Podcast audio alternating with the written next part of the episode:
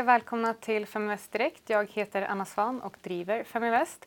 Idag ska vi köra lite råvaruspecial. Det kommer vi fortsätta med även nästa vecka. Jag tog med mig en kollega från Nyhetsbyrån Direkt, med Martin. Välkommen. Tack så mycket. Och eh, vi ska prata lite om alternativa investeringar idag. Jag var med och gästade Unga Aktiesparares podcast eh, Aktiekompisar så pratade vi just om alternativa investeringar, både onoterat och framförallt då råvaror som är någonting som jag handlar ganska mycket. Och då kände jag att ja, men då kanske vi behöver köra lite råvarutema i eh, Feminvest också. Och eh, det kanske bland det vanligaste man tittar på, förutom olja då, är eh, framför allt ädelmetaller, så guld och silver. Så jag tänkte att vi skulle snacka lite om det idag. Det, det funkar bra. Det funkar bra. Men eh, med mig i studion har jag dig och då måste jag ändå fråga, köper du några råvaror? Nja är väl svaret på den frågan. Jag har, jag har exponerat mig mot, mot råvaror på olika sätt men det har nästan alltid skett genom att jag har köpt något bolag som sysslar med det och fått exponeringen på så sätt. Men jag har inte, jag har inte fysiskt ägt någon råvara och jag har inte heller handlat i något certifikat för jag har varit lite oinformerad, lite dåligt informerad så jag har inte vågat ta det beslutet helt enkelt. Jag tror också att det, är viktigt, att det är viktigt att man går ut och pratar om det för det är många som tycker att eh, varje gång jag går ut och pratar om råvaror så säger folk att oh, det är så himla svårt. Mm. Det är lättare att köpa aktier. Och då undrar jag så här, ja, hur, hur, kan det vara lättare att köpa råvaror eh, eller lättare att köpa aktier än råvaror? När du, när du ska investera i aktier måste ha koll på de underliggande råvarorna. Men det kanske bara är jag. Ehm, eh, men, men det är en historia i sig. Men vi, vi hade faktiskt ett avsnitt i Feminvest Direkt för ungefär ett år sedan med eh, Emily som jobbade här innan och då diskuterade vi råvaror lite kort och eh, för att bara göra en snabb sammanfattning av vad vi diskuterade där så var det att det finns fem huvudgrupper med eh, cirka 24 undergrupper som handlas globalt. Sen finns det också lokala råvarubörser där det finns, eh, finns mer nischade typer av eh, råvaror. Men eh, de som vi har är liksom energi, metaller, boskap, spannmål och mjuka eller softs. Och energi är ganska lätt att förstå. Vi har liksom olja, vi har naturgas bland annat, eh, mm. ädelmetaller, alltså metaller. Där har vi också ädelmetaller och industrimetaller. Jag fokuserar mest på ädelmetaller. Mm. Där har vi mycket guld och silver. Eh, boskap, då kan du handla med grismagar till ja. exempel. jag tycker det är så spännande kategoriseringar med. Ja, ja men jag vet, visst är det det. Eh, och sen så har vi spannmål, spannmål det är liksom så vete och liksom alla, alla grödor på den, på den typen av sätt. Men sen mm. så har vi softs eller mjuka, vilket är kanske för, för sig min favoritkategori. Mm. Men sen är det också väldigt märkligt för att eh, i softs eh, har du till exempel kakao, kaffe. Mm. Eh, det är också timmer. timmer ja. också? Ja. Och apelsinjuice. Så den är, det, det, är som att de har så kategoriserat råvarorna och sen så allting som de inte riktigt visste vad de skulle... Det lägger de där? Ja, ja men lite så. Men så, egentligen skulle man kunna eh, dela in eh, råvaror i hårda och mjuka.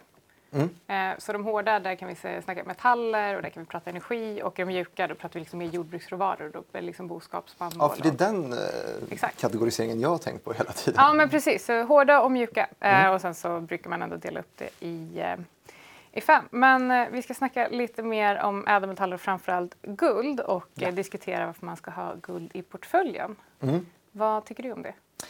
Jag tycker att det är, ett perfekt sätt att, att säkra upp eh, sina pengar, speciellt i en sån här vi har haft en ganska, ganska rejäl låg, lågräntemiljö och mm. då, då är det ju perfekt att kunna exponera sig mot, mot någonting annat istället. Om man ändå sitter där och inte får några pengar på sitt sparkonto så har man alternativet att antingen lägga i madrassen eller stoppa in i ett nollräntekonto eller ja, säkra med guld som på något sätt ska vara inflationssäkert. Ju.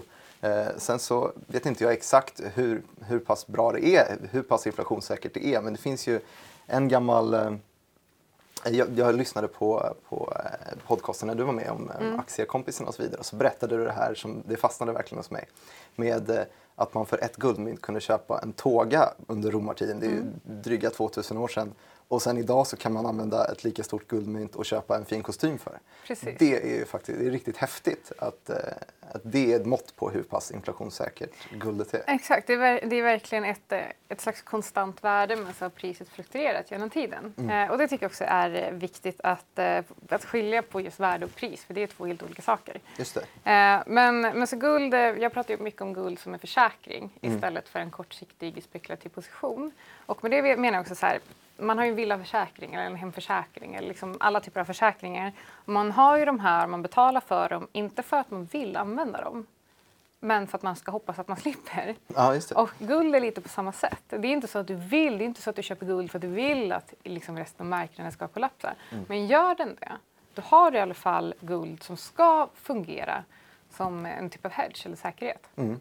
Ja, den är väl ganska korskorrelerad med, med aktiemarknaden i sig. Att den går upp när allt, allting annat går ner. För att, just för att pengarna, folk lägger sina pengar på det säkra alternativet. Ja, men så är det verkligen. Så att, eh, och jag, jag brukar också säga att även om, även om guld framförallt är en försäkring mot ditt kapital så är det också en försäkring mot de psykologiska faktorer som medkommer med en nedgång. Mm. Så att eh, om eh, vi såg både under IT-kraschen och finanskrisen att det var många som i början av sin investeringskarriär som blev av med stora delar av sina portföljer eh, under kriserna och eh, sen inte vågade investera igen. Mm.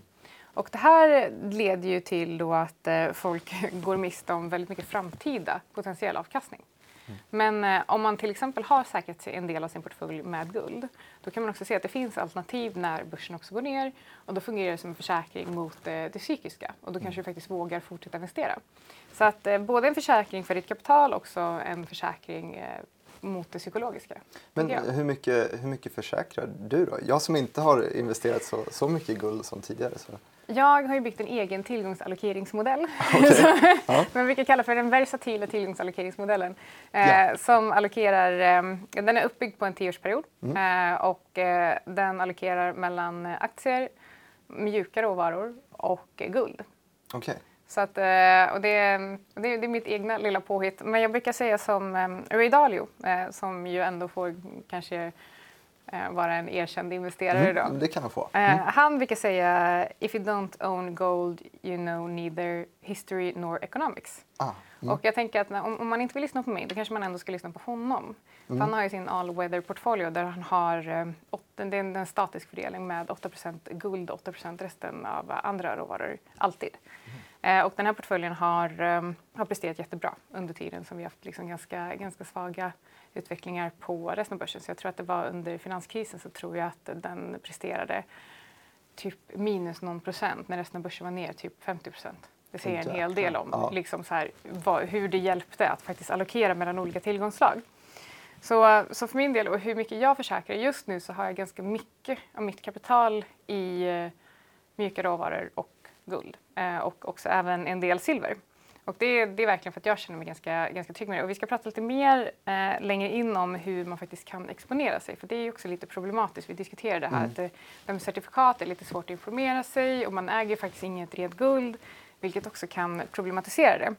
Men, ehm, men hur skulle du känna? För du sa att du, sa att du eh, har exponerat dig mot råvaror på så sätt att du har köpt bolag Ja, som men exakt. har eh, avancerat där. Ja, men det, det började väl när jag började min, min aktiekarriär, om man får kalla det karriär, jag vet inte. När jag började testa att investera för första gången så eh, då var jag intresserad av olja för det fluktuerade väldigt mycket. Och jag tänkte att här finns nog lite pengar att tjäna. Och så satt jag och studerade de lite mindre bolagen på, på Stockholmsbörsen. Kollade på, på Enquest, på, på Africa Oil, på Lundinbolagen. Eh, och så försökte jag hitta när de eh, studsade ner och när de skulle studsa upp. Och det var egentligen mina, mina första månader på börsen på något sätt.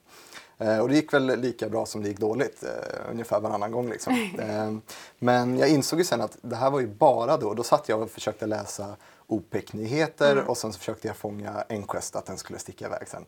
Eh, Så det var ju egentligen bara så att jag försökte exponera mig mot olja och det enda sättet jag visste hur man gjorde det var genom bolagen. Precis, och det här leder in mig lite på Tina, there is no alternative. Och Ja. då menar man så att det inte finns något alternativ till aktier. Och eh, det är så himla roligt när du beskriver, jag vill exponera mig mot olja, men jag visste inte hur man gjorde förutom att köpa Exakt. bolag som håller på med olja. Eh, och det här är ganska klassiskt, jag tror att det liksom blir lite ett resultat av att man faktiskt inte är ute och pratar så mycket om råvaror. Och det är väl inte så himla konstigt med den här lågräntemiljön också. Vi, så här, lågräntemiljö i slutet på en högkonjunktur, folk vet inte vad risk är längre. Och när det inte går att få ränta på sina pengar då söker man sig till mer nischade och mer högriskinvesteringar. Vilket innebär att istället då för att man tar ett helikopterperspektiv och tittar på okay, hur korrelerar eller inte korrelerar marknader till varandra, eh, alltså aktiemarknader, råvarumarknader, eh, räntor och så vidare, så söker man sig till så här, kanske ett, en branschen eller liksom läkemedelsbranschen och så köper man bara bolag inom, inom det området. Och det man inte förstår är att man tar, genom att exponera sig mot kanske bara e- ett tillgångsslag eller en typ av bransch eller, eh, eller vad det nu kan vara, så tar man alldeles för hög risk. Men mm. vi vet inte det för att det har gått så himla långt, vi har haft en högkonjunktur så himla länge så folk glömmer av det här. Eh, och det, det var många som fick smaka på, på vad risk faktiskt egentligen betyder när vi hade den här lilla Volmageddon i februari. Mm. Det var också väldigt många som trodde att det var någon form av börskrasch. Men eh, den kommer väl framgent tror jag. Mm. Eh, men eh, men ja, som du sa innan, det här med eh, kan man köpa en fin tåga och nu kan man köpa en fin kostym. Så att mm. det är så ganska ett bra tecken på hur inflationssäkert det är. Och om man nu ska koppla tillbaka till en rejäl sättning. Jag vet inte, är du en av dem som säger jag längtar efter att det är en börskrasch för att du ska köpa aktier på rea? Lite så. Men ja. ja. Eh, jag är också rädd för det. Det finns ett, ett citat som jag inte alls riktigt kommer ihåg ordagrant längre. Mm. Men det är från den här eh, Wolf of Wall Street-filmen. Eh, mm. mm. Där de jublar efter att de har gjort det här klippet när de har kortat ja. bostadsmarknaden. Ja. Och Eh, då är det då två stycken lite yngre, yngre som jublar och sen så är de med eh, en tredje person som är lite mentorn som är alldeles så ja, tyst. Ja, The Big Short tänker jag Ja, förlåt. Ah, Big Short. ja. Kul att, att du kunde rätta mig där i alla fall. Det var ju skönt. Ja, The Big Short. Eh, och de jublar och han är så här, bara, men varför jublar ni? Fattar ni inte att det är x antal människor som dör av det här när aktiemarknaden mm. går ner? Så det har jag alltid i bakhuvudet på något sätt när jag tänker att jag inte riktigt längtar efter en börskrasch ändå. Precis. Men det är klart att jag skulle vilja komma in när det är billigt. Så mm. är det ju. Man vill ju det. Men, och det, mm. det, det jag tänker när många säger så, må, många som är fullinvesterade i aktier mm. Och så säger de för det finns inget annat sätt att få ränta på sina pengar och sen samtidigt säger de men jag längtar verkligen till att aktiemarknaden ska gå ner för jag ska köpa aktier på rea. Okej, okay, för vilket kapital då hade du tänkt dig? mm. om, om du är fullinvesterade aktier och aktier går ner hade du då tänkt att du skulle sälja av dem och köpa billigt? Eller så här, vad var poängen? Och då kan det verkligen finnas en idé med att ha andra saker i sin portfölj. Gud, ja. Så att man kan sälja de grejerna som kanske inte har gått ner eller kanske till och med gått upp för att då komma in billigare på aktiemarknaden. Mm. För det, det råder ju verkligen ingen tvekan om att eh, klart att aktiemarknaden över tid är det som presterar bäst. Mm. Och även om, eh, även om att allokera mellan olika tillgångslag det betyder inte att du står utanför marknaden eller försöker tajma marknaden. Det handlar om att du försöker skapa säkerhet i att minimera risken i din portfölj. Och det är ganska stor skillnad, eh, ganska stor skillnad på det här. Men eh, om du, vad ser du är största problemet? Eller liksom vad är det som känns svårast med att investera i råvaror? Jag är ju så inne i det här, jag tänker på det hela tiden. Ja, men det, det är just det här sättet man gör det. Man, mm. Jag skulle ju vilja eh, äga fysiskt guld. Det känns ju som att det är rent mm. eh, och då slipper jag all den här eventuella valutarisken eller bolagsrisken mm. eller vad, vad, man nu associerar med sitt, sitt tillgångslag man mm. köper. Men det känns lite jobbigt att liksom ha en, en, fysisk liten peng i handen eller en tacka i handen och mm. hur förvarar man den? Och, det är ja. det som jag tycker är lite jobbigt. Får man hem det på posten då eller vad, hur funkar det? Bra fråga. Jag, eh, jag tycker ju om att sprida mina risker och då menar jag inte bara i olika tillgångslag. Jag har spritt mina risker i hur jag exponerar mig mot guld också. Mm. Så jag äger fysiskt guld och jag har eh, guld-ETFer och eh, jag äger ett bolag, ett gruvbolag som gräver guld. Och det finns lite olika det finns lite olika perspektiv och olika saker som är bra att tänka på. Det fysiska guldet, ja det är jättesvårt att förvara. Du får inte ha det i bankfack till exempel. Aha. Och eh, man vill ju helst inte prata om hur man förvarar det heller för att det, finns, det är ganska stor begärning. Just det, så det är klart. Så, ja, så det, det är ett problem i sig. Mm. Och när det kommer till de här eh, guldbolagen då har du en bolagsrisk också. Men å andra sidan så brukar man säga att eh, när du köper guldbolag då har du ju, eh, om guld går upp så går det faktiskt ännu bättre för dem också. Eh, och då kan, skulle du kunna få typ som en hävstångseffekt på, på hur, eh, hur bolaget presterar för att eh, den, det brukar ofta stiga mer än själva guldpriset i sig. Och eh, om man tittar på pappersguld, rent pappersguld, ETF och certifikat, här har vi ett ganska stort problem. För att, uh, framförallt uh, är det viktigt att titta på så att man äger det underliggande guldet och det gör du i princip aldrig via certifikat.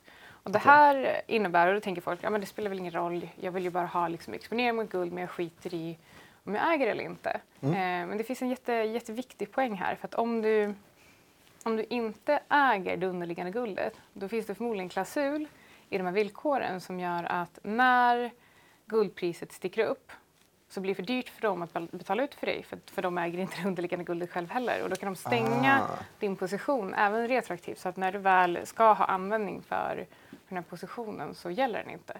Så det är jätteviktigt att tänka på. Så den ETFen som jag äger, den, har jag faktiskt, den är noterad i Tyskland så den går fortfarande att handla. Eh, men där äger man i alla fall guldet, det underliggande guldet 1 till 1. Så då har man i alla fall en typ av säkerhet där. All right. Ja, men så att deras företagsidé annars, de här certifikaten som inte äger guld, det är bara att de tar in pengar och sen så investerar de det i sin tur. Ja. Och går det dåligt för dem så då har de ingenting. Och... Exakt, så går de i konkurs så är det ju helt kört. Liksom. Smart företagsidé ändå. Ja, men faktiskt. Men så, um, ja, så det, är, det, är liksom, det är lite krångligt i sig. Man brukar säga att det finns hundra gånger så mycket pappersguld som det finns guld. Ja. Eh, så att, eh, skulle, skulle det faktiskt behövas, då är det ingen superbra affär för, ehm, för dem. Och inte för dig heller, för då kommer de kunna stoppa det här. Så köp inte bara guldcertifikat på höga spreadar eh, som, ehm, som du sen inte kan använda. Kasta Så läs klausulerna, kolla om de äger det ett till ett Ja. verkligen. När det handlar om, eh, om Exakt. ETFer. Och det finns eh, jättetydligt i alla villkor. Alla villkor går också att hämta på, hos din nätmäklare. Mm. Eh, så, och annars har jag skrivit ett blogginlägg som heter eh, Exponering mot guld efter Mifid 2. Där jag har tagit fram två exempel eh, där jag faktiskt skriver om eh, ja, fördelar och nackdelar och sådär. Jag tänkte på det här med, med gruvbolag som Mm. håller på med guld. Eh, Jag fick en tanke nu att risk kan man ju ofta diversifiera bort ganska bra. Mm. Det finns ju ganska många olika gruvbolag. Så skulle man kunna köpa då att sprida ut sitt guldköp på ett par svenska gruvbolag, ett par Ja, tyska, ett par sydamerikanska. Ja, då, helst, då liksom. sprider den geografiska risken också. Ja, men eller hur? Eh, plus att, eh, för man tar som sagt en bolagsrisk när man investerar i gruvbolag såklart, som alla aktier.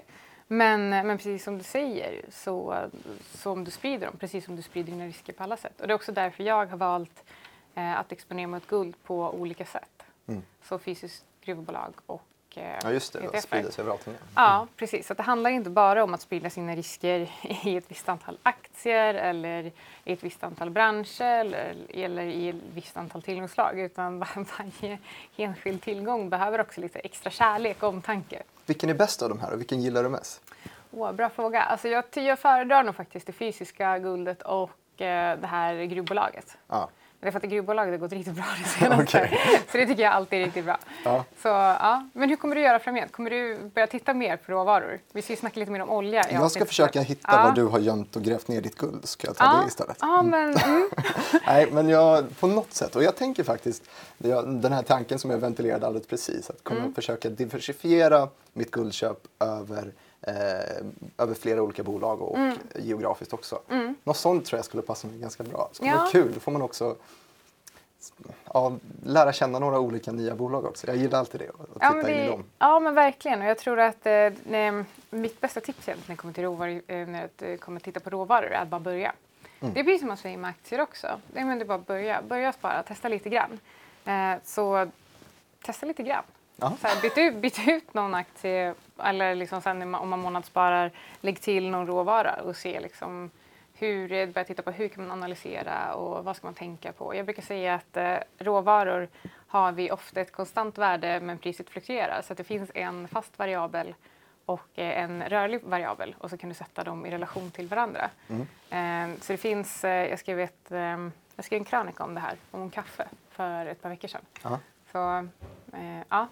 Så det finns lite olika sätt och lite olika varianter när det kommer till råvaruplaceringar egentligen. Ja, men perfekt. Ja, men jag ska definitivt djupdyka i det där. Mm. Ja, men härligt. Och eh, som sagt, du är tillbaka nästa vecka igen och eh, då ska jag grilla dig lite på olja och På hur... olja. ja, precis. Och se hur eh, energi egentligen korrelerar med eh, marknaden och eh, inflation och så. Ja, då är det bara bäst, bäst för mig att börja plugga helt Ja, enkelt. det är lika bra. Tack så jättemycket för att du kom hit. Tack så mycket.